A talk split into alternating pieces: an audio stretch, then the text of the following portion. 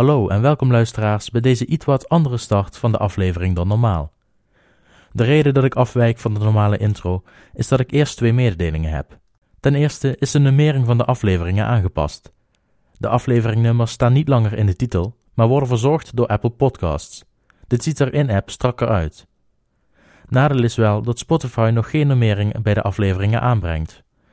Ik hoop wel dat ze dit snel gaan doen, maar tot die tijd zal de Spotify-luisteraar het moeten doen zonder afleveringnummers. Als gevolg van het verwijderen van de nummering en de andere volgorde die hierdoor is ontstaan, de eerste aflevering is nu namelijk een trailer in plaats van een echte aflevering, zijn de afleveringnummers één plek naar voren geschoven. Aflevering 19 van de vorige keer is dus nu aflevering 18 en zo verder. Ik weet nog niet of ik dit ga aanpassen in de gesproken tekst, maar voor nu vind ik het even goed zo. We hebben dus vandaag nog in aflevering 19, zodat de nummering wordt rechtgetrokken. Als laatste mededeling, deze aflevering duurt een stuk langer dan normaal. Voor de mensen die liever de podcastaflevering willen opdelen in twee stukken, laat ik in de aflevering dit belletje horen. De aflevering bestaat namelijk uit twee hoofddelen en het belletje laat horen wanneer het ene deel stopt en het andere deel begint. Laten we dan nu maar beginnen met de intro.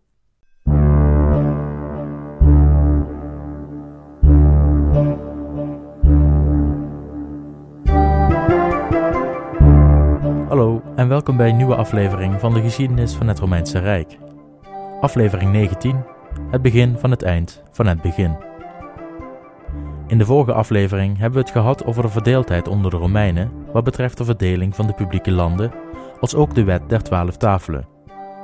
Deze week zien we dat de Romeinen wel andere dingen aan hun hoofd krijgen dan onderling gekibbel. We zien in Rome dat macht verliest, haar ware aard laat zien en uiteindelijk herrijst uit de situatie waar menigeen niet uit zou herreizen. Om vervolgens, tja, dat bewaren we nog even voor de volgende aflevering. Laten we beginnen.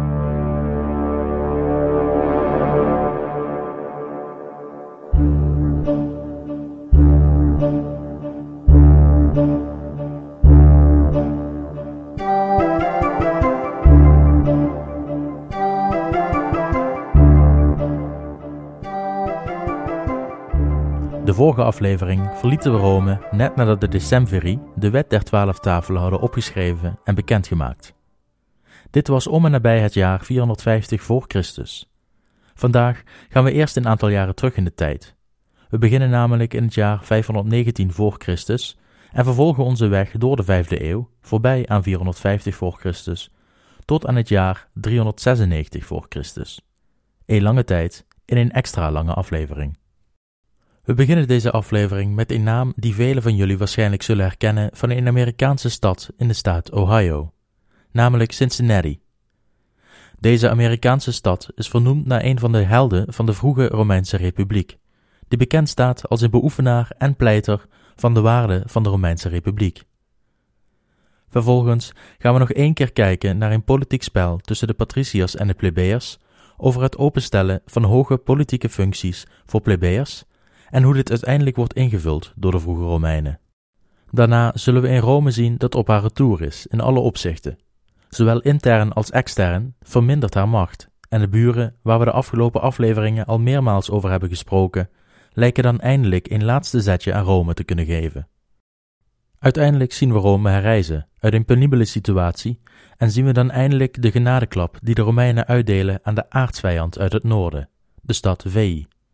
Veel te bespreken dus, maar nu eerst terug naar 519 voor Christus.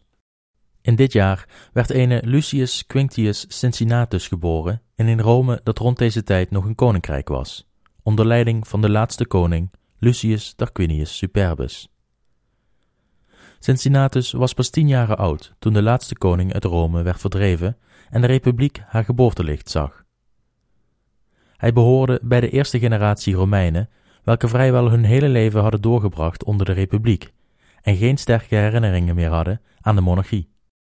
De tirannie van de Tarquiniërs, waar de Romeinen decennia lang onder hadden geleefd, verdween langzaam naar de achtergrond, en de generatie van Cincinnatus en alle die erna zullen komen, moesten het niet meer hebben van de haat jegens koningen om de republiek te beschermen, maar eerder van hun liefde voor de republiek. Cincinnatus was een van de eerste Romeinen die met zijn liefde voor de republiek bekend zal komen te staan als redder van Rome in moeilijke tijden. ondanks dat Cincinnatus heden ten dagen een van de bekendste Romeinse figuren is, wordt zijn naam niet zo vaak genoemd in de vroegere geschriften als je misschien zou denken. Hij heeft zijn bekendheid vooral te danken aan de Amerikanen, die George Washington zagen als een soort reïncarnatie van Cincinnatus. Het verhaal van Cincinnatus begint met een rol op de achtergrond in de Romeinse verhalen. Het was namelijk zijn zoon die een hoofdrol opeist in een verhaal waar Cincinnatus voor het eerst naar voren komt. In de aanloop naar de opstelling van de wet der twaalf tafelen voor 450 voor Christus spelen in Rome veel onlusten op over de ongelijkheid tussen de plebeiers en de patriciërs over zaken die we in de afgelopen afleveringen hebben besproken. Het forum stroomt regelmatig vol met grote groepen skanderende plebeiers die hun onvrede uiten. Deze groepen plebeiers werden uit elkaar geslagen door andere groepen patriciërs, ook wel te vergelijken met bendes, die gewapend met stokken en dergelijke naar het forum trokken om de plebeiers met harde hand het zwijgen op te leggen. Een van deze patriciërs was ene Caeso Quinctius, de zoon van Cincinnatus. Hij had een abnormaal groot postuur in vergelijking met de andere Romeinen, en hierdoor beschikte hij over de perfecte vaardigheden om zijn favoriete hobby te bezigen: het uit elkaar slaan van die vervelende, ondankbare plebeiers. Hij was een van de voornaamste leden van de patricische bendes, en door zijn opvallende verschijning en de roem die hij ontving voor zijn daden, werd juist hij het doelwit van de volkstribune in een politiek spel. Caeso was een geroemd soldaat, meermaals gedecoreerd voor zijn moed en vechtskunst tijdens de Romeinse oorlogen.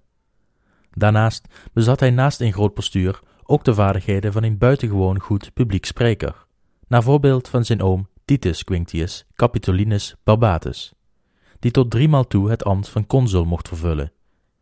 Iedereen in Rome verwachtte dat ook zijn neefje Caeso ooit dit ambt zou vervullen.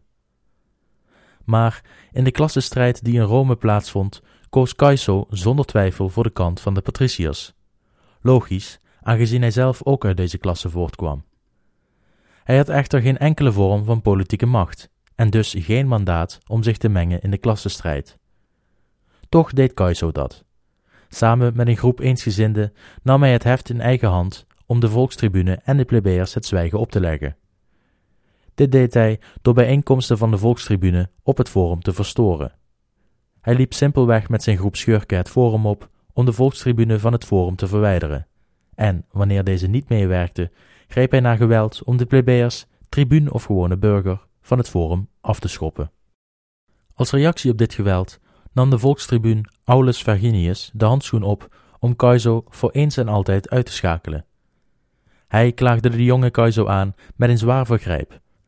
Wat dat vergrijp precies was, weten we niet, maar aangezien de volkstribunes sacrosanct waren, dat wil zeggen dat zij onschendbaar waren, kan het zijn dat het onmogelijk maken van hun werk door middel van geweld genoeg was om Caeso aan te klagen. Verschillende prominenten dienden als getuigen tegen Caeso, allen plebeiers uiteraard. Een van deze getuigen was Marcus Volscius Victor. Hij beweerde dat Caeso zijn oudere broer Lucius had geslagen tijdens een handgemeen in de straten van Rome. Zijn broer was verzwakt door de ziekteuitbraak van 463 voor Christus en was komen te overlijden als gevolg van de vuistslag van Caeso. Cincinnatus deed tijdens de rechtszaak nog een verwoede poging om de volkstribune te vragen zijn zoon te sparen.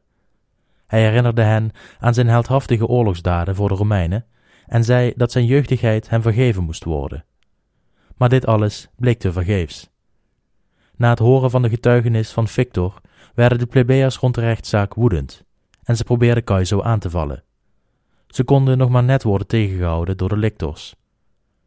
De volkstribuun Vergilius gaf het bevel Caeso te arresteren, maar de oom van Caeso en driemalig consul Titus Quinctius kon dit voorkomen, omdat Caeso nog niet was veroordeeld voor het feit. Na wat gesteggel kwamen de volkstribune overeen dat Caeso zijn rechtszaak in vrijheid mocht afwachten op borgtocht. Livius schrijft dat dit de eerste keer was dat in Rome iemand op borgtocht zijn rechtszaak in vrijheid mocht afwachten. Caeso liet het echter nooit zo ver komen dat hij veroordeeld en gearresteerd kon worden. Hij ging in vrijwillig ballingschap naar Etrurië en ontvluchtte de stad. Hij was ervan overtuigd dat de getuigenis van Victor en het feit dat hij bekend stond om zijn agressie ervoor zou zorgen dat hij schuldig bevonden zou worden. Vergilius poogde Caeso nog te veroordelen in absentia, maar de andere volkstribunen weerhielden hem hiervan. Zij accepteerden zijn vrijwillige ballingschap als afdoende. Desalniettemin moest de borgsom alsnog betaald worden, en aangezien Caeso vertrokken was, werd zijn vader, Cincinnatus, verantwoordelijk voor het ophoesten van de som geld. Als gevolg moest Cincinnatus grote delen van zijn bezittingen verkopen aan de volkstribune, waaronder zijn huis in Rome. Hij verliet de stad om zijn intrek te nemen in een kleine boerderij aan de oevers van de Tiber, om hier zijn leven door te brengen als boer. De getuige Victor werd in 459 voor Christus, twee jaren na het ballingschap van Caeso, aangeklaagd voor mijneed. Er was naar buiten gekomen dat zijn oudere broer, welke zou zijn overleden naar aanleiding van de aanval van Caeso, helemaal nooit zijn bed zou hebben verlaten nadat de ziekte hem had getroffen. Hij zou in zijn bed gestorven zijn, terwijl Caeso zich rond die tijd helemaal niet in de stad zou hebben bevonden. De rechtszaak werd in eerste instantie op de lange baan geschoven, tot een jaar erna, in 458 voor Christus, Caesars oom Titus Quinctius het ambt van quaestor kreeg toegekend, wat hem verantwoordelijk maakte voor berechting. Titus liet Victor berechten en hij werd verbannen uit Rome naar Lanuvium. Echter was het voor Caeso te laat. Tot groot verdriet van zijn vader bereikte het nieuws Rome dat Caeso was komen te overlijden. Waaraan en wanneer precies blijft onbekend. Na het ballingschap van zijn zoon Caeso werd Cincinnatus gekozen tot consul. De volkstribunen waren uiteraard niet blij met deze benoeming, aangezien zij een jaar eerder de zoon van de consul hadden willen berechten. Cincinnatus liet dan ook geen gras groeien over zijn wraak. Hij viel na zijn benoeming direct de posities van de volkstribune aan, door te stellen dat zij verantwoordelijk waren geweest voor de verovering van de citadel door Appius Herdonius en zijn groep Sabijnen en slaven van de vorige aflevering. De volkstribune sloegen terug, en het gevecht tussen de twee politieke machten binnen Rome ging nog even door. De volkstribune bepaalde dat geen enkele consul in leger verder dan één kilometer buiten Rome mocht brengen. Anders zouden de plebejse soldaten rechtsomkeer maken. Tijdens het jaar dat Cincinnatus consul was, werd er geen compromis bereikt en het gevecht ging het jaar erna door. Aan het eind van het jaar dat Cincinnatus consul was, doorbrak de Senaat de Koude Oorlog door een wet aan te nemen die stelde dat geen enkele magistraat, patriciër of plebejer in opeenvolgende jaren benoemd kon worden tot dezelfde functie. De volkstribune veegde echter hun achterste af met deze wet, en zij verkozen wederom Vagilius als volkstribuun voor het volgende jaar. De Senaat was van plan de plebejers met gelijke munt terug te betalen, en zij verzamelden zich rond de vijand van de plebejers, Cincinnatus, om ook hem een opeenvolgend jaar consul te maken, en daarmee te breken met een van de grondleggende wetten van de republiek. Cincinnatus zag je echter geen heil in. Hij zei: Als wij hetzelfde doen als plebejers, zijn wij geen haar beter. Hij weigerde dan ook in volgende termijn, en met tegenzin lieten de patriciërs hem terugkeren naar zijn boerderij aan de oevers van de Tiber.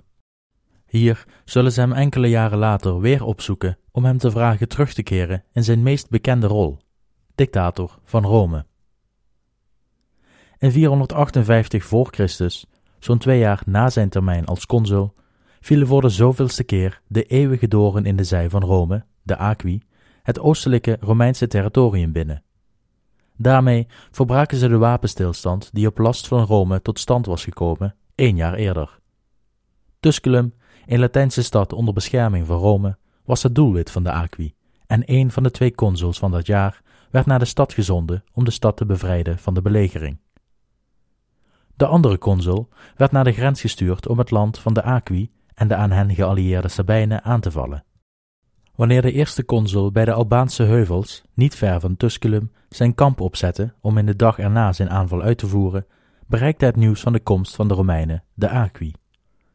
Zij verzamelden direct hun legers en plaatsten deze rondom het kamp van de Romeinen, om hen vervolgens direct te belegeren. Deze blitzkrieg-tactiek verraste de Romeinen volledig en voordat de omsingeling compleet was, lukte het slechts vijf Romeinse ruiters om te ontsnappen aan de dodelijke omhelzing van de vijand en het nieuws van de belegering te brengen naar de eeuwige stad. Met het tweede consulaire leger op een te grote afstand om ook maar iets te doen aan de belegering, verviel de Senaat in wanhoop bij het horen van het slechte nieuws. Men besloot zo snel mogelijk het kernwapen van de Romeinse Republiek in te zetten, de dictator. Boodschappers werden naar de boerderij van Cincinnatus gestuurd, en toen zij daar aankwamen, vonden zij Cincinnatus terwijl hij zijn gewassen aan het verzorgen was. Een eufemisme voor de Romeinse waarde die Cincinnatus zo hoog hield. Bij de haastige aankomst van de boodschappers vroeg Cincinnatus hen: Is alles wel goed? Waarop de boodschappers antwoordden dat zij hoopten dat het zowel voor hem als voor zijn land goed zou komen. Ze vroegen hem vervolgens zijn senatorstoga te dragen, alvorens zij het bericht van de senaat zouden overbrengen. Cincinnatus riep naar zijn vrouw Gracilia om zijn toga uit de boerderij te halen en hem deze aan te meten. Nadat de toga om zijn lichaam was gevouwen, riepen de boodschappers Cincinnatus uit tot dictator voor de termijn van de gebruikelijke zes maanden. Cincinnatus stak de Tiber over met een boot en vervolgde zijn reis terug naar Rome. Zijn drie overgebleven zoons ontvingen hem hartelijk, samen met het merendeel van de senatoren, welke in hem de redder voor Rome zagen. Hij kreeg direct enkele lictors toegewezen, welke ervoor moesten zorgen dat iedere wens van Cincinnatus gerealiseerd werd. Direct na aankomst benoemde Cincinnatus Lucius Tarquitius als zijn meester van de paarden en gaf hij het bevel aan alle Romeinen van militaire leeftijd om zich voor het ondergaan van de zon te verzamelen op de Campus Martius, de verzamelplaats voor militaire campagnes, met de mededeling dat een ieder twaalf keer zoveel als normaal mee moesten nemen aan sourdis, een soort spies of piek die werd gebruikt om de buitenste muur van een nederzetting of kamp te beschermen tegen aanstormende vijanden. De Romeinen vertrokken onder leiding van hun dictator diezelfde avond nog richting de Albaanse heuvels. Bij het vallen van de nacht kwam Cincinnatus aan op de plek van de te komen slag. Hij liet zijn soldaten zo snel mogelijk een muur opbouwen rond de Aqui, die op hun beurt weer om het kamp van het consulaire leger gelegerd waren. De Aqui zagen wat de Romeinen van plan waren en ze lieten direct een tegenaanval beginnen.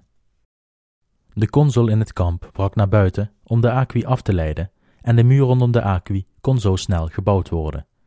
De Surdis, welke mee werden genomen op bevel van Cincinnatus, werden in de grond gestoken. De omsingeling van de omsingeling was compleet. De Romeinse soldaten waren al 24 uur non-stop bezig geweest met marcheren, het opbouwen van hun kamp en met vechten tegen de Aqui, en toen de muur eenmaal stond, gaf Cincinnatus hen nog steeds geen moment van rust. De aanval werd direct ingezet. De Aqui waren niet bestand tegen een aanval van twee flanken, en al snel gaven ze zich over. Cincinnatus accepteerde de overgave op de voorwaarde dat de leiders van de Aqui aan hem overgeleverd zouden worden. Hij liet drie vooraanstaande leiders executeren en nam de rest, waaronder de grote leider van het leger van de Aqui, Gracchus Clulius, gevangen. Hij liet een juk bouwen van drie speren en dwong alle Aqui hieronder door te lopen, om zo de Aqui als onderdanen terug te laten keren naar hun thuisland. De soldaten uit het leger van Cincinnatus mochten zich te goed doen aan de oorlogsbuit van de Aqui, daar waarop de soldaten van het consulaire leger werd neergekeken. Men keerde terug naar Rome, waar Cincinnatus zijn leger ontbond. Hij kreeg een triomftocht door de stad, waar de leiders van de Aqui tentoon werden gesteld aan het Romeinse volk. Slechts vijftien dagen nadat Cincinnatus tot dictator werd benoemd, legde hij zijn ambt alweer neer. Weer een eufemisme voor zijn morele normen en waarden. In plaats van zijn volledige zes maanden te benutten om te doen en laten wat hij wilde, koos hij ervoor om terug te keren naar zijn boerderij om zorg te dragen voor zijn gewassen. Hij deed echter nog één ding voordat hij zijn ambt neerlegde. Hij liet de volkstribuun Volscius berechten voor mijn eed tijdens de rechtszaak tegen zijn zoon, en de volkstribuun werd verbannen uit Rome. In plaats van zijn macht te gebruiken om de plebeiers nog in hak te zetten, koos hij er echter voor om zijn ambt direct hierna neer te leggen. Hetgeen hem in heldenstatus gaf onder het Romeinse volk, ook onder de plebeiers. De jaren na de eerste termijn van Cincinnatus als dictator waren de jaren 450 voor Christus tot 440 voor Christus. De wet der twaalf tafelen werd opgeschreven en Rome verviel in deze periode in haar macht en status. De onrusten in de stad brachten een periode van instabiliteit, voor zover er überhaupt stabiliteit was geweest in de jaren ervoor. De onrusten in dit decennium vonden zijn oorsprong in de wet der twaalf tafelen. In een van de wetten was namelijk een bepaling opgenomen dat een huwelijk tussen iemand van patricische rang en een plebejer onmogelijk maakte. Deze ongelijke behandeling was in het bijzonder pijnlijk voor de plebejers, omdat deze bepaling het voor hen onmogelijk maakte om tot de hoge politieke rangen door te dringen. De politieke ambten waar we het over hebben zijn in het bijzonder het ambt van consul en het ambt van Pontifex Maximus, de hoogste priesterlijke functie binnen Rome, maar ook de lagere priesterlijke functies. Deze ambten waren door Romeinse wetgeving uitsluitend opengesteld voor patriciërs, en de nieuwe wet der twaalf tafelen maakte het nu ook nog eens onmogelijk om een patricische status te verwerven door huwelijk. Als de plebejers enige inspraak wilden hebben in het opstellen van beleid voor Rome en het uitvaardigen van wetten, dan moesten de verboden van gemixt huwelijk en plebejische bekleding van hoge politieke functies worden uitgebannen. De tactiek die de plebejers aannamen om dit onrecht uit te bannen, was om ten eerste het huwelijk open te stellen voor personen van verschillende klassen, en vervolgens de politieke functies open te stellen voor plebejers. Het openstellen van het huwelijk werd redelijk snel gerealiseerd. In eerste instantie vochten de patriciërs het voorstel dat een volkstribuun in 445 voor Christus deed om het huwelijk open te stellen aan. Maar al snel draaiden de posities van de patriciërs in dit standpunt. Het was namelijk in het oude Rome zo dat het mixen van bloed tussen verschillende klassen geen rol speelde. Het enige dat bepaalde of je een patricier was of niet, was het antwoord op de vraag of je vader een patricier was of niet. Het maakte niet uit van welke klasse je moeder was, zolang je patricische vader je maar erkende als zijn zoon. Het initiële verweer van de patriciërs dat ze wilden voorkomen dat het patricische bloed zou worden bezoedeld door plebejers, hield dus geen stand. Het sloeg in de ogen van de Romeinen simpelweg nergens op, daar waar bloed geen rol speelde. Het verzet tegen de wet verloor dan ook snel aan kracht. Daarnaast waren er inmiddels ook hele rijke plebejse families in Rome, waarvan het geld nog wel eens goed gebruikt zou kunnen worden door de patriciërs. Het verzet brak, en er werd bepaald dat het huwelijk tussen verschillende klassen mogelijk werd. Waar alle Romeinen het echter over eens waren, was dat de patriciër hoger in de rangorde stond dan de plebejer, ook in het huwelijk. Dit had te maken met de religieuze ideeën van de Romeinen. Zowel patriciërs als plebejers waren grootgebracht met de verhalen dat religieuze aangelegenheden bij voorkeur uitgevoerd moesten worden door patriciërs. Anders zouden de goden ontstemd raken. De patriciër kreeg daarom, ook binnen het huwelijk, de spreekwoordelijke scepter in de hand gedrukt om als hoofd van de familie te fungeren. Dat wil zeggen dat ook het familiefortuin van de plebejse echtgenoot ter beschikking kwam aan het patricische familiehoofd. Het tweede doel van de plebejers, namelijk het openstellen van hoge politieke functies, kon echter wel rekenen op heftig verzet van de patriciërs. De patriciërs waren niet van plan om dit recht te delen met hun minderen. Echter werden de plebejers steeds machtiger in de manier van politiek bedrijven. Steeds vaker werden consuls verkozen met een minimale meerderheid door de patriciërs. De tijd dat een plebejer zou worden aangewezen als consul door de plebejers kwam steeds dichterbij. Om te voorkomen dat de patriciërs een verkozen plebejer de gang naar het ambt van consul moesten ontzeggen, hetgeen zeker weten voor onrust gezorgd zou hebben, bedachten de patriciërs een slimme truc om dit te kunnen voorkomen. Ze riepen het ambt in van militaire tribuun met consulaire macht, of tribunus militum consular potestate. Om precies te zijn, deden ze dit in 444 voor Christus.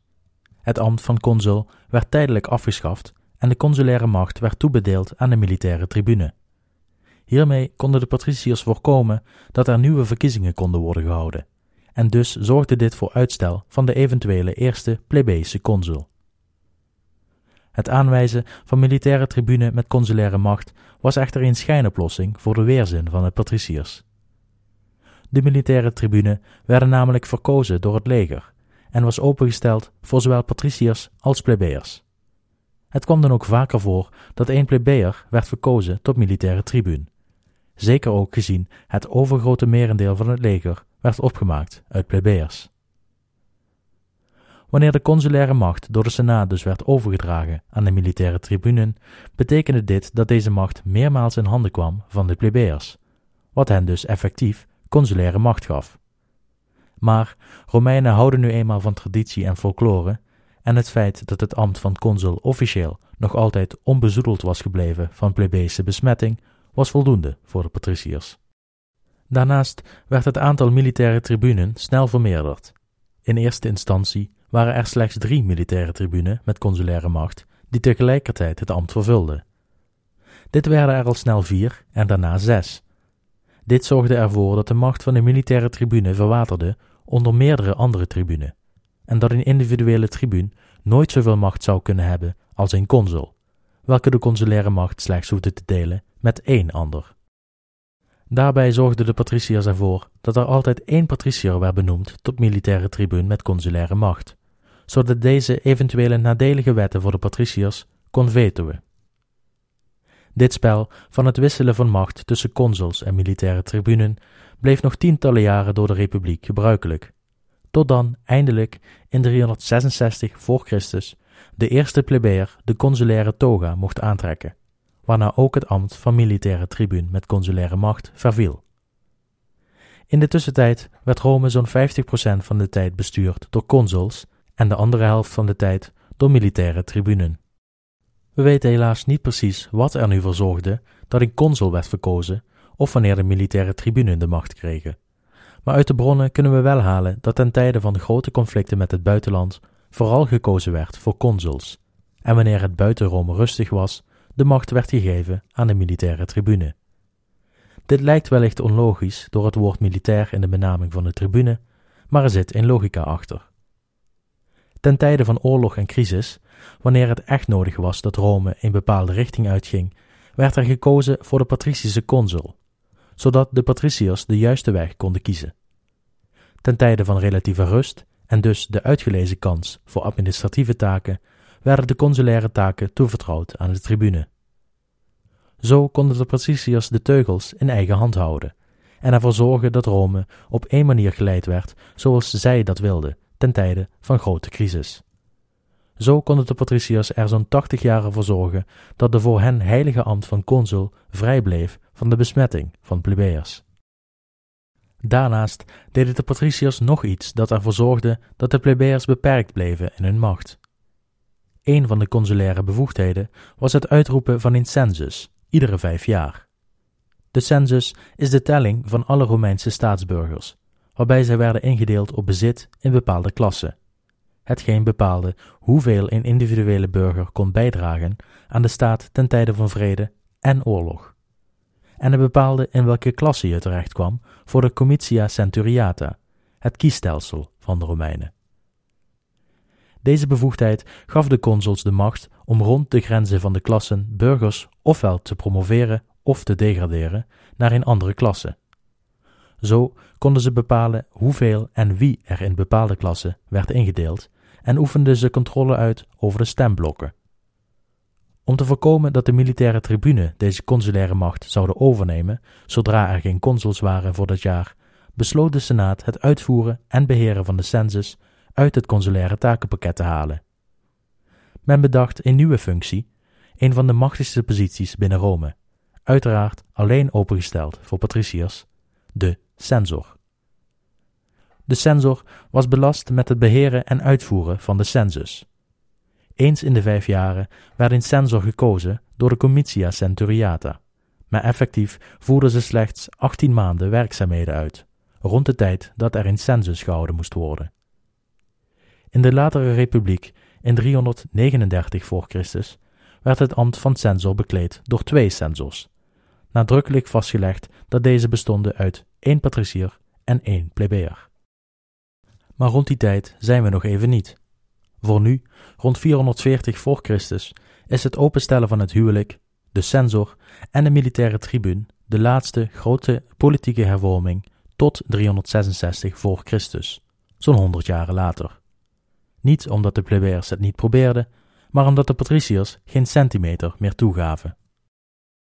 Tijdens deze jaren, rond 440 voor Christus, slaat er wederom rampspoed toe voor de Romeinen. Er was een tekort aan voedsel. Als gevolg van ondervoeding brak wederom een ziektegolf uit. De mensen in Rome en haar directe omgeving werden wederom ziek, zwak en misselijk. Omdat tijdens het vorige voedseltekort graan werd gekocht van buursteden, gingen ook deze keer Romeinse handelaren naar de directe buren om te handelen voor voedsel. De directe buren waren, net als zo'n 50 jaar eerder, allesbehalve bereid om de Romeinen te helpen.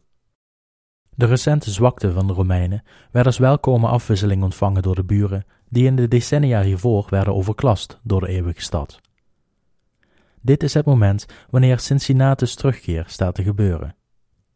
Het begint allemaal met Romeinse handelaren die naar Etrurië reizen om daar te handelen in graan. De Etrusken weigeren echter zaken te doen met de Romeinen voor eerder genoemde redenen. En de handelaren keren met lege handen terug naar Rome. Een zeer rijke plebejer, genaamd Spurius Malius, vertrok naar Etrurië om te doen waar de vorige handelaren hadden gefaald. Hij bezocht de markten en kocht hier graan op voor exorbitant hoge prijzen, prijzen die de Romeinse staat niet wilde betalen. Hij keerde terug in Rome en verkocht zijn graan voor zeer lage prijzen. Sommige bronnen stellen zelfs dat hij het gratis uitdeelde aan het volk. Hiermee bereikte zijn naam een faam die door de Senaat als gevaarlijk geacht werd. Zijn gulle daad had hem een idolate status gegeven bij het gewone volk, en al snel bracht dit Malius op ideeën die hij beter niet had kunnen hebben. Hij begon de staat tegen te werken op bijeenkomsten en zei tegen het volk dat de republiek had gefaald waar hij succesvol was. De republiek was niet in staat de mensen te beschermen tegen hongersnood en ziekte, waar hij, Malius, het volk volle magen en gezondheid bracht. Hij begon langzaam van zijn ideeën werkelijkheid te maken. Hij wilde zichzelf tot koning van Rome uitroepen. Het zou alleen maar rechtvaardig zijn als hij zou heersen in plaats van de falende republiek. Hij begon met het verzamelen van wapens in zijn huis, en hij deelde smeergeld uit aan vooraanstaande plebeiers, vooral volkstribunen, om hem te steunen wanneer hij ingreep zou doen naar de macht. Helaas voor Malius kwam zijn wens nooit in vervulling. De man die leiding gaf aan de handelaars die graan moesten inkopen voor Rome, kreeg lucht van het plan van Malius. Zijn naam was Lucius Minucius, en hij deed zaken met dezelfde handelaren als waar Malius zijn graan vandaan haalde. En hier hoorde hij voor welke prijs Malius het graan had ingekocht. Met in de wetenschap dat Malius het graan in Rome voor veel lagere prijzen verkocht, CQ gratis weggaf, verbond Lucius de enige conclusie die hij kon verzinnen aan deze ogenschijnlijke genereuze geste van de plebejer. Lucius spoedde zich naar de senaat en vertelde aan hen wat hij zojuist ontdekt had. Binnen de senaat gingen direct alle alarmbellen af. Deze gullegever zou nog wel eens kunnen slagen in zijn plan, gezien de staat waarin Rome verkeerde. De honger en ziekte zouden nog wel eens ruimte kunnen geven voor een nieuwe tyrannieke koning. Malius had inmiddels zo'n faam verworven dat niet zomaar iemand hem zou kunnen stoppen in het bereiken van zijn doel. De senatoren braken hun brein over de vraag wiens staat van dienst de populariteit van Malius zou kunnen overtreffen. En uiteindelijk kwamen ze uit bij een man die Rome reeds eerder uit een moeilijke situatie had gehaald, Cincinnatus. Cincinnatus, die inmiddels tachtig winters had gezien, werd wederom het ambt van dictator aangeboden op zijn boerderij. De oude heer accepteerde en keerde voor één laatste keer terug naar Rome.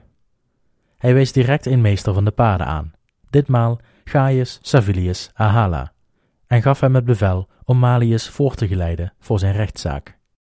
Het feit dat Cincinnatus, de meest rechtvaardige onder de Romeinen, in zijn ambt als dictator had uitgesproken dat Malius werd beschuldigd van het nastreven van een monarchie met hem als koning, had vrijwel direct alle Romeinse burgers overtuigd dat Malius schuldig was aan het strafbaar feit. Ook Malius wist dat hij flink in de problemen zat en dat zijn plan was mislukt. Toen de meester van de paarden, Ahala, hem had gevonden, besloot hij te vluchten. Hij rende door de straten van Rome tussen de burgers door. Ahala zette een korte achtervolging in en zonder enige aarzeling werd Malius neergehaald met een slag van het zwaard van Ahala. Er ontstond direct onrust in Rome over het schijnbaar executeren van Malius voor zijn berechting. De verontwaardiging sloeg echter snel om in begrip toen Cincinnatus het volk nog eens herinnerde aan de wetten van de republiek. Malius was niet omgebracht voor iets waar hij van werd verdacht. Hij was omgebracht omdat hij weigerde te verschijnen voor zijn berechting, en daarmee had hij zijn eigen lot getekend. Zoals jullie luisteraars ik en ongetwijfeld het volk van Rome ook wisten, tegen een besluit van een dictator staat geen beroep open. Ofwel, je doet wat er gevraagd wordt, of je ondervindt de consequenties. Malius koos voor het tweede. Nadat het volk te horen had gekregen dat de daad van Ahala rechtvaardig was, keerde de rust in Rome weder. Het huis van Malius werd platgebrand en het graan dat hij in bezit had, werd uitgedeeld aan het volk. Cincinnatus besloot wederom, na het bezweren van de crisis, af te treden als dictator, ditmaal na 21 dagen. Cincinnatus werd hierdoor nog liefder onder de Romeinen. Tweemaal werd hij gekozen tot dictator en tweemaal koos hij ervoor slechts te dienen voor zolang het absoluut vereist was voor het vervullen van zijn taak. Hij liet de Romeinen meermaals grote eerbaarheid en integriteit zien, en hij werd het symbool van Romeinse deugd. De faam die hij ontving straalde zelfs uit naar zijn kinderen. In legende stelt namelijk dat enige tijd hierna een van zijn zonen terecht stond voor militaire incompetentie. Hij werd echter vrijgesproken nadat de advocaat van zijn zoon aan zijn berechters had gevraagd wie van hen het nieuws van zijn zoon aan de oude Cincinnatus zou gaan vertellen. Men zegt dat hierop zijn zoon werd vrijgesproken, omdat geen der berechters het hart van Cincinnatus voor een tweede maal wilde breken. Al snel na het laatste dictatorschap van Cincinnatus, rond 430 voor Christus, begonnen de problemen voor Rome van buitenaf wederom toe te nemen. De stammen in het zuiden en zuidoosten begonnen weer met hun aanvallen op Romeins grondgebied, en de zwakte die Rome had geteisterd in de jaren ervoor had de van oorsprong Latijnse stad Fidenae ertoe aangezet om in opstand te komen tegen Rome. Hierbij riepen ze de hulp in van de Etruskische stad Veii. De mannen in Fidenae wisten dat Rome verzwakt was door de hongersnood en de ziekteuitbraak, en de gunstige positie van Fidenae aan de Tiber gaf hen de mogelijkheid om handel langs en over deze rivier richting Rome aan banden te leggen, hetgeen Rome nog meer moeilijkheden bracht met de aanvoer van voedsel. Dat de in het zuiden en oosten gelegen stammen van de Aqui en de Sabijnen weer eens de wapens hadden opgepakt tegen Rome, betekende dat Rome in oorlog moest voeren op drie fronten: tegen de Aqui in het zuiden, de Sabijnen in het oosten en tegen de Fideniërs in het noordoosten. Met hulp van de Etrusken zouden de Fideniërs wel eens kans maken in een open veldgevecht tegen de verzwakte Romeinen. In eerste instantie was het de inschatting van de Fideniërs dat Rome, bezet met de oorlogen tegen de stammen in het zuiden en het oosten, niet zouden ingrijpen in de opstand van Fidenae. Dit was echter een grove inschattingsfout. De Romeinen, zoals we nog vaak zullen meemaken tijdens deze podcast, waren doorzetters, echte kuitenbijters, zelfs tot het krankzinnige aan toe. Geen haar op de kalende Romeinse senatoriale hoofden dacht er ook maar aan Fidenae los te laten nadat het al decennia lang onder Romeins gezag was. De enige optie die derhalve overbleef voor de Fideniërs was in open veldgevecht met steun van Veii. De Romeinen stonden echter niet bekend om hun impulsiviteit, en dus moest er een zetje worden gegeven om de Romeinen uit de tent te lokken. Dit deden de Fideniërs door de gezanten die door Rome werden gestuurd om te onderhandelen, te vermoorden zodra ze de stad waren binnengewandeld. Dit deden ze niet één keer, maar vier keer. En de reactie van Rome op dit oneervolle gedrag van de Fideniërs kon dan ook niet uitblijven. De Romeinen trokken verzwakt ten strijde, en dit zorgde ervoor dat een overwinning voor één der kampen uitbleef. Fidenae hield voor nu haar rebelse status, en de oorlog tussen Rome en Fidenae, gesteund door Veii, duurde nog jaren voort. De situatie voor Rome werd hierdoor nog slechter dan die al was. Het was noodzakelijk voor de Romeinen om Fidenae weer op haar knieën te krijgen, zodat de toevoer van voedsel en andere handelswaren via de Tiber weer doorgang kon vinden. Door de jaren 430 tot 420 voor Christus was Rome verwikkeld in een oorlog op drie fronten in het noorden, oosten en zuiden. Was ze economisch geïsoleerd en politiek verdeeld. Rome had betere tijden gekend.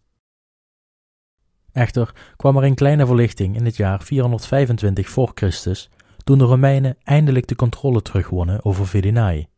De handel over en langs de Tiber kon weer plaatsvinden, en Rome kon weer happen naar lucht, hetgeen de interne verdeeldheid verlichtte. Fidenae was dan misschien heroverd, de aartsvijand en veroorzaker van de opstand, Vei, lag nog steeds aan de andere kant van de rivier. De politieke en economische belangen van Rome en Vei stonden haaks op elkaar, en een toekomstig conflict zou niet lang kunnen uitblijven. Tegennatuurlijk voor de Romeinen kozen ze er niet voor om na het eroveren van Fidenae direct door te marcheren naar Vei. Men koos voor een zeer fragiele wapenstilstand, zodat de aandacht gericht kon worden op de andere oorlogen in het oosten en zuiden. Vei nam ook geen initiatief om de Romeinen aan te vallen, waar dit waarschijnlijk wel verstandig was geweest. Men denkt dat Vei in deze periode interne problemen had, wat dit gedrag zou kunnen verklaren. Maar helaas weten we te weinig van de Etrusken om dit vermoeden te kunnen staven. De gouden kans voor de Etrusken om Rome een laatste zetje de afgrond in te geven, terwijl ze zowel fysiek als mentaal verzwakt waren na de jarenlange zware en moeilijke oorlogen, werd niet aangegrepen door de Etrusken. Dit gaf Rome de kans om zich te herstellen en orde op zaken te stellen met de Aqui en de Sabijnen. Na een lange en zware periode voor de Romeinen begonnen de zaken dan eindelijk weer wat rooskleuriger uit te zien. Fidenae was heroverd. Voedsel bereikte de stad weer mondjesmaat en de oorlog met de Aqui in het zuiden had iets van haar kracht verloren. De jaren die volgen laten een langzame maar stabiele neerwaartse spiraal zien in de economische en militaire macht van de Aqui. Het afzwakken van de macht van de Aqui zal er uiteindelijk voor zorgen dat ook de Sabijnen de motivering van hun lange en zware oorlog verliezen. Uiteindelijk geeft de afgenomen macht van de Aqui Rome de kans de zuidelijke stam voor eens en altijd te verslaan en toe te voegen aan de Romeinse Republiek. Maar voor nu blijven periodieke invallen een kleinere bezigheid voor de Romeinen dan dat het ooit was. De echte vijand van Rome bevond zich echter in het noorden, al jarenlang de aardsvijand van de Romeinen, maar tot nu toe te machtig gebleken om voor eens en altijd op te rollen. De Veentijnen waren inmiddels teruggekomen van hun passieve houding richting Rome en hadden meermaals vijanden van Rome gefinancierd om de Romeinen bezig te houden. Effectief voerden ze een proxyoorlog met de eeuwige stad. De fragiele wapenstilstand die bestond tussen Rome en Vee had al die jaren stand kunnen houden, omdat de Romeinen hun troepen moesten spreiden over drie fronten hetgeen hen belette om een vuist te kunnen maken tegen de Etrusken. Nu, met de verzwakking van de Aqui en de terughoudende tactiek van de Sabijnen als gevolg hiervan, kon Rome zich richten op de aardsvijand. Nu was de tijd aangebroken om de stadstaat Veii in open gevechten aan te vallen, om voor eens en altijd te bepalen wie van de twee de macht in Centraal-Italië zou toe-eigenen. Zoals we eerder hebben gezien, is het de Romeinen nog niet gelukt om de Etrusken te verslaan. Weliswaar hebben ze Vei een aantal keren in wapenstilstand weten op te leggen, met in 600 voor Christus het toe-eigenen van Etruskisch land onder een van de Romeinse koningen. Maar we hebben ook gezien dat Lars Porsenna, de koning van de Etruskische stad Clusium, hoogstwaarschijnlijk Rome heeft veroverd, al geven we dat liever niet toe. Waarom zouden de Romeinen nu dan wel slagen? Om de geopolitieke situatie van deze tijd te illustreren, wil ik nog eens duiken in de wereld van de Etrusken Zoals eerder benoemd was Vei een van de twaalf stadstaten die heerste over Midden- en Noord-Italië. Vanaf de Tiber nabij Rome tot aan de Povelei in Noord-Italië. Alles was in bezit van de Etrusken. De twaalf stadstaten hadden weliswaar een verbond met elkaar, maar dit verbond was vooral gericht op de culturele en economische belangen van de gezamenlijke stadstaten. Op politiek en militair gebied was het verbond losjes. De stadstaten bezaten ieder veel autonomie en hadden geen verantwoording naar elkaar. Ik zou willen dat ik jullie meer kon vertellen over deze verhoudingen, maar er is helaas maar heel weinig bekend over de Etrusken. Zo heb ik jullie bijvoorbeeld verteld over de lictor die ieder van de twaalf stadstaten naar voren schoof bij het kiezen van een nieuwe Etruskische koning. Was dit om een koning van één stadstaat te kiezen, of was er een gezamenlijke koning? En als die er dan was, Waarom zorgde deze dan niet voor de militaire bescherming van alle stadstaten? Veel vragen, helaas geen antwoorden. Militair beschikte V dus slechts over het leger dat de eigen stad kon veroorloven. Niet dat dit betekent dat V een zwak leger had, integendeel. V was een van de, zo niet de rijkste en machtigste onder de twaalf stadstaten, en dus was zijn leger uitgerust met de beste uitrusting en konden huurlingen worden aangetrokken met het grootste gemak. Wat echter niet in het voordeel van de Etrusken was, was het feit dat in Noord-Italië enkele grote Gallische stammen neerdaalden uit de Alpen om zich te vestigen in de vruchtbare gronden van de Po-vallei. Deze Galliërs waren dermate talrijk dat de Etrusken hier grond verloren en teruggedrongen werden naar Centraal-Italië. De handelsroutes welke door de Po-vallei liepen werden verloren en economische tegenslagen volgden elkaar op voor de Etrusken. Aan de andere kant van de laars van Italië speelde zich ook een tafereel af dat nadelig was voor de Etrusken. Op het Italiaanse eiland Sicilië bevond een Griekse stadstaat zich, genaamd Syracuse, weggestopt in het uiterste zuidoostelijke puntje van het eiland.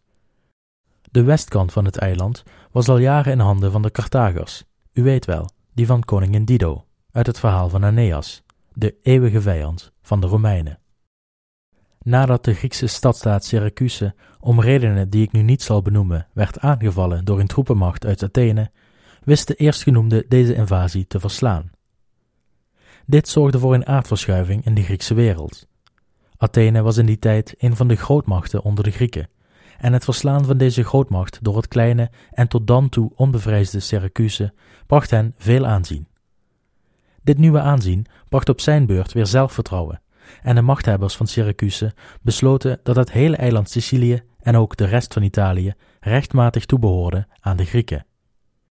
Dit bracht een serie aan grote conflicten teweeg op het eiland tussen de Griekse stadstaat en haar bondgenoten en de Carthagers. Carthago was van oudsher een goede bondgenoot geweest van de Etrusken. De Carthagers bezaten een veruit superieure vloot ten opzichte van haar concurrenten en met deze vloot beheerden ze vrijwel alle handel over de Mediterrane Zee.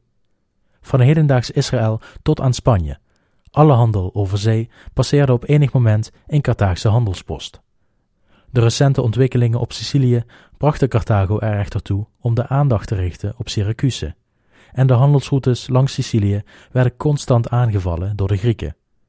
Carthago was verwikkeld in haar eigen oorlog en Etrurië kon niet zonder meer rekenen op hulp van haar oude bondgenoot. Deze ontwikkeling zorgde voor een daling in de inkomsten van Etrurië, aangezien de handel met Carthago gedeeltelijk verstoord was geraakt. Daarentegen waren de Romeinen eindelijk weer opgekrabbeld van de crisis die de stad had geteisterd. Economisch zag het er weer wat beter uit en vooral militair konden de Romeinen hun pijlen eindelijk weer richten op één grote vijand. Veii lag slechts op 16 kilometer afstand van Rome en dus veel te dichtbij om vriendschappelijk naast elkaar te kunnen blijven bestaan. Vooral economische motieven brachten de twee machtsblokken met elkaar in conflict.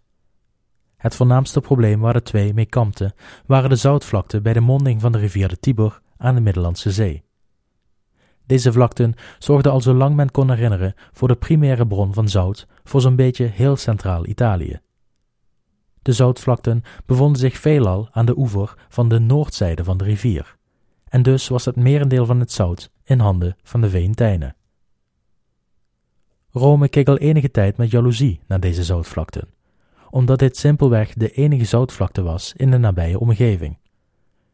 Dat maakte dat het in bezit hebben van de bron een gegarandeerde inkomstenbron betekende voor de exploitant. Tot nu toe was het echter niet nodig geweest voor zowel Rome als Veii om de ander te bevechten voor het zout. Veii had dan wellicht meer, maar Rome kon zich prima redden met het zout dat ze kregen van het kleinere deel. Echter, door de ontwikkelingen tussen Syracuse en Carthago waren de Carthaagse handelsschepen in steeds mindere mate in staat te handelen met de Etrusken, en dus viel een grote inkomstenbron voor Etrurië weg. Ook de lucratieve handelsroutes over land naar Magna Grecia waren in verval geraakt door de opkomst van de Volsken een eeuw of twee geleden, waar Lars Porsenna zich zo druk over had gemaakt. De inkomsten uit zout werden steeds belangrijker en dus broeide een directe confrontatie tussen Rome en Veii over wie de zoutvlakte zou mogen exploiteren. Waar ze vroeger de zoutvlakte deelden, was er nu nog maar plek voor één van de twee regionale grootmachten.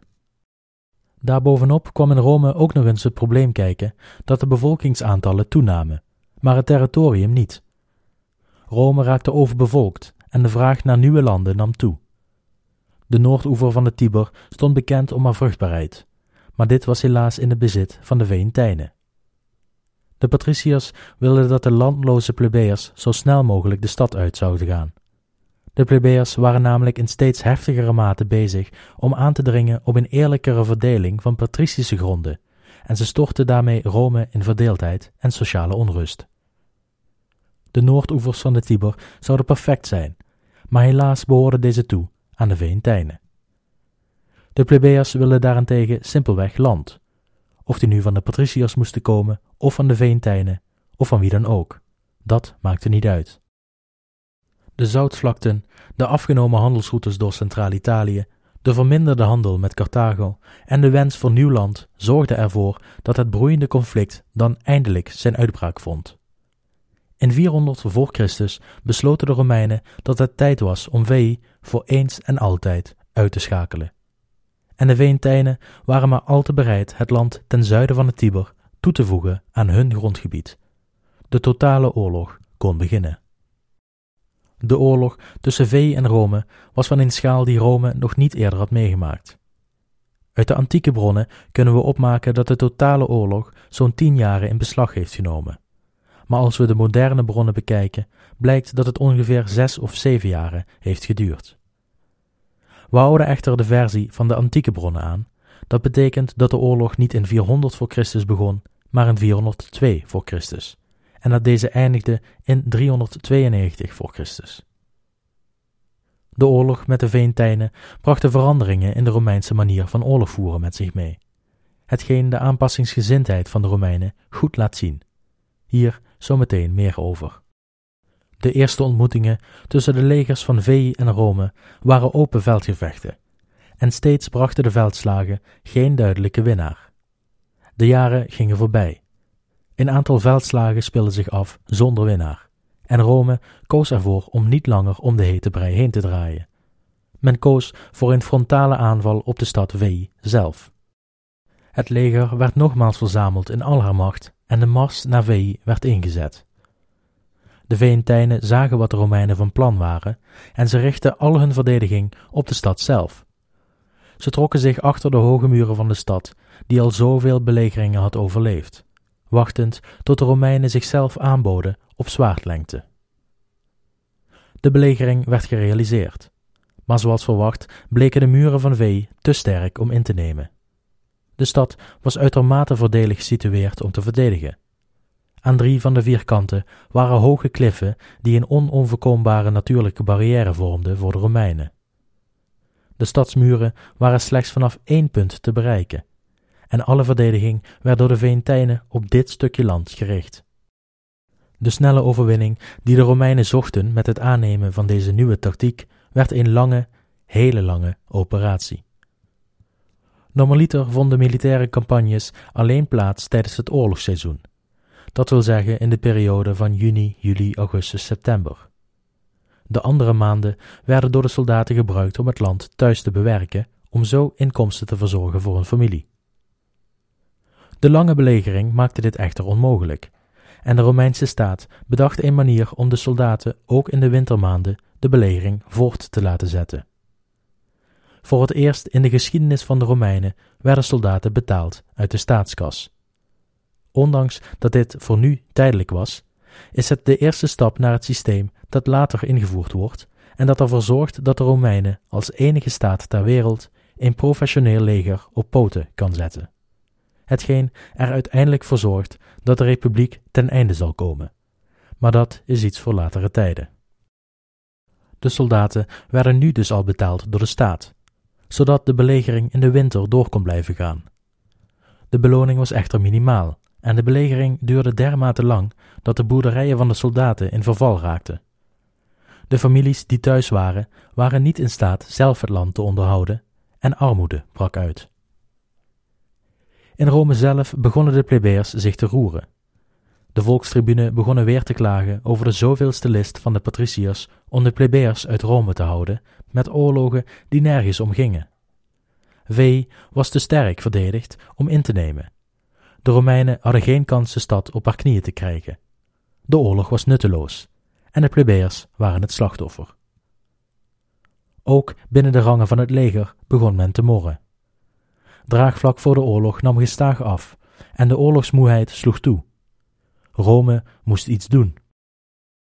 Dit is het moment dat een van Rome's grootste generaals uit de vroege republiek zijn intrede doet: Marcus Furius Camillus. Hij wordt door de Senaat aangewezen als dictator voor de termijn van zes maanden, met als doel het veroveren van Veii. Camillus was al driemaal eerder toegewezen aan een leger om de Veentijnen te verslaan op het slagveld. En driemaal eerder versloeg hij de Veentijnen op een manier die hem veel aanzien gaf bij de Romeinen. Ondanks zijn overwinningen werd de oorlog, zoals ik al eerder zei, niet beslist. De generaal stond bekend, of eerder was berucht, om de discipline die hij bijbracht aan zijn soldaten, en het was dan ook de perfecte kandidaat om deze oorlog tot een goed einde te brengen. Bij zijn aanstelling kwam een zucht van verlichting uit Rome. De legerleiding had tot nu toe geen eensgezindheid getoond, en de oorlog duurde zo lang voort, onder andere omdat de legerleiding geen goede keuzes kon maken door een constante oneenigheid. Camillus was de beste generaal die de Romeinen hadden, en hij zou in de toekomst nog vijf keer gekozen worden tot dictator, in de grote crisis die Rome nog zal zien. Geen enkele andere Romein is zo vaak benoemd tot dictator. Zijn naam werd gevestigd tijdens zijn daden in de oorlog tegen Vee, en dit zorgde ervoor dat de Romeinen meermaals bij hem zouden aankloppen. De oorlog tegen Vee, welke leek voor te duren tot in de eeuwigheid, werd door Camillus opgepakt en tot een goed einde gebracht binnen de termijn van zes maanden. Camillus wist als geen ander dat een directe aanval op de stad zou resulteren in een complete nederlaag voor de Romeinen. Hij moest dus op zoek naar andere manieren om de stad te veroveren. Hij wist van de uitgebreide riolering die was aangebracht onder de stad, en dat deze riolering de stad in uitbraak van ziekte bespaarde. Hij zag de riolering als een kans voor de Romeinen om ongezien de stad in te komen, en wel door een weg te banen onder de grond, het waternetwerk van de stad in, om midden in de stad, waar de vijand het het minst verwachtte, omhoog te komen en de stad van binnenuit neer te brengen. Hij gaf het bevel aan zijn soldaten om te beginnen met graven, en dag en nacht werd grond verplaatst tot uiteindelijk een van de uitwaartse rioleringsgangen van de stad werd bereikt. Hij liet in de tussentijd regelmatig aanvallen uitvoeren op de muren van de stad, zodat de Veentijnen afgeleid zouden zijn van het eigenlijke plan. En dit werkte naar behoren. De soldaten in de stad hadden geen idee wat de Romeinen van plan waren, tot het te laat was. Uiteindelijk kwamen de Romeinen door een afvoerpijp in de centrale riolering van de stad. Hier zochten ze een weg naar het middelpunt van de stad en Camillus liet een relatief grote groep Romeinse soldaten door het waternetwerk lopen tot ze in het midden van de stad waren aangekomen. Toen de afgesproken tijd was aangebroken, liet Camillus zijn voltallige leger de frontale aanval inzetten tegen de hoge muren van de Etrusken. De Veentijnen wisten niet wat ze zagen. Wat de Romeinen deden was gekkenwerk. Er bestond geen enkele kans dat ze de muren konden beklimmen. Enigszins met ongeloof en volgens Livius sommigen zelfs lachend, werden de Romeinen tegen de stadsmuren ontvangen om als gemakkelijk prooi te worden geraakt door projectielen van de stadsmuren. Tijdens dit ongeloof braken de Romeinen in het riool naar buiten en sprintten ze naar de poort alsof hun leven ervan afhing. En laten we eerlijk zijn, dat was ook het geval. Nog voordat de Etrusken doorhadden wat er gebeurde, was het al te laat. De Romeinen waren tot aan de stadspoort doorgedrongen en openden deze voor hun landgenoten.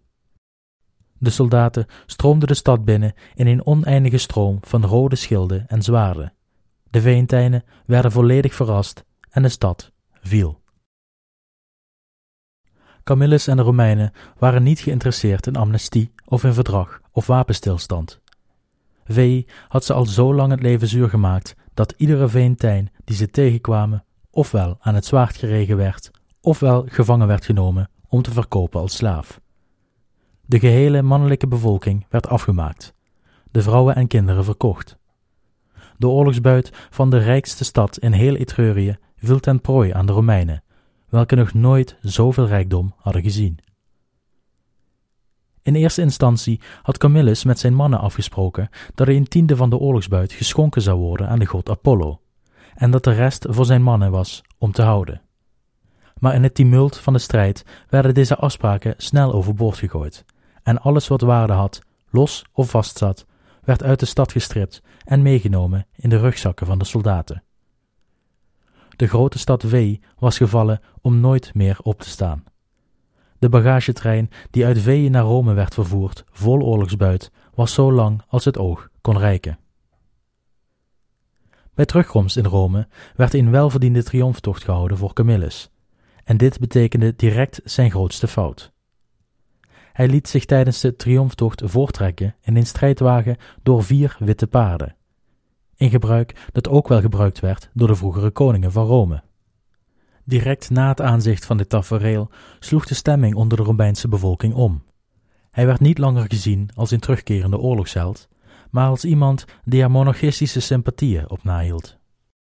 Wat ook niet bepaald hielp, was het spijtgevoel dat Camillus kreeg nadat hij besefte dat hij zijn belofte aan Apollo, om een tiende van de oorlogsbuit aan hem op te dragen, niet had waargemaakt. Zijn paranoia om de straf van Apollo bracht hem ertoe zijn soldaten het bevel te geven een tiende van hun oorlogsbuit te overhandigen aan de staat, zodat deze die aan Apollo kon schenken. Uiteraard hadden de soldaten hier geen oor naar, maar uiteindelijk deden ze met grote tegenzin toch hun religieuze plicht, en een tiende van de oorlogsbuit werd ingeleverd. Daarbovenop kwam ook nog eens de mededeling van Camillus dat een tiende van de nieuw verkregen landen rondom Veii aan Apollo werden geschonken. De plebeiers in Rome zagen wederom land verdeeld worden aan de goden en niet aan hun, en dus braken er rellen uit in de eeuwige stad. Twee jaar nadat dit alles zich had afgespeeld, durfde een volkstribuun het aan de voormalige oorlogsheld aan te klagen voor incompetentie bij het beheren van oorlogsbuit. En in plaats van de rechtszaak af te wachten, vertrok Camillus uit Rome in vrijwillig ballingschap. In zijn beroemde vertrek uit de stad zou hij een gebed hebben gebracht aan de goden, waarin hij zei: Als ik onschuldig ben, laat mijn vroegere landgenoten dan spijt krijgen van mijn vertrek.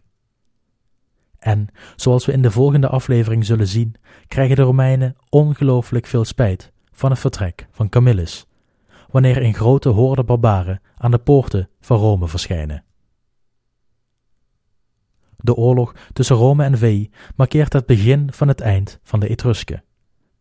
In het noorden bezetten grote groepen Galliërs de Povellei en in het zuiden zorgde de expansiedrift van de Romeinen voor een steeds kleinere invloedssfeer. De grote autonomie van de stadstaten en het falen of onwil om als één militaire kracht op te treden, zorgt ervoor dat de Etrusken langzaam maar zeker stad voor stad zullen verliezen, tot ze uiteindelijk helemaal worden opgeslokt door de Romeinen. We zien de Etrusken echter terug in de oorlogen tussen Rome en de Samnieten, zo'n vijftig jaar later. De oorlogen die we de afgelopen afleveringen hebben gezien, laten de obsessieve koppigheid van de Romeinen zien, die ze uiteindelijk een rijk schenkt dat reikt van de grenzen van hedendaags Iran tot diep in Schotland. De Romeinen gaven simpelweg nooit op. Verslagen, lastiggevallen, oorlogsmoe, verdeeld, hongerig en ziek. De Romeinen blijven doorgaan waar anderen de handdoek al meerdere malen in de ring zouden hebben geworpen. Het kwam simpelweg niet bij ze op. De onwil om verlies toe te geven was bijna krankzinnig te noemen. Wanneer de Romeinse legers met tienduizenden tegelijk worden afgeslacht, wanneer alle hoop verloren leek, de Romeinen gaven nooit op, weigerden ieder vredesaanbod en gingen door. Wanneer een leger was vernietigd, zochten ze nieuwe poeltjes om mannen te verzamelen om opnieuw ten strijde te trekken.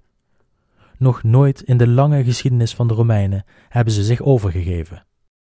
Het kwam wel eens voor dat een Romeins leger werd verslagen en dat de generaal zich gewonnen gaf, maar in Rome gaf men nooit op. De generaal werd verbannen, benoemd tot staatsvijand, en een nieuw leger was alweer onderweg. Ondanks meerdere verliezen en bijvoorbeeld de oorlog tegen Pyrrhus of Hannibal, wanneer de legers praktisch aan de poorten van Rome stonden en het Romeinse leger volledig vernietigd was, de Romeinen gingen door. Zo was ook de oorlogsvoering zelf. Hoge discipline zorgde voor een methodische manier van vechten. Een Romeins legioen was niet te stoppen. Rechtdoor was de enige weg. Het moraal hoger dan iedere tegenstander, een echte oorlogsmachine.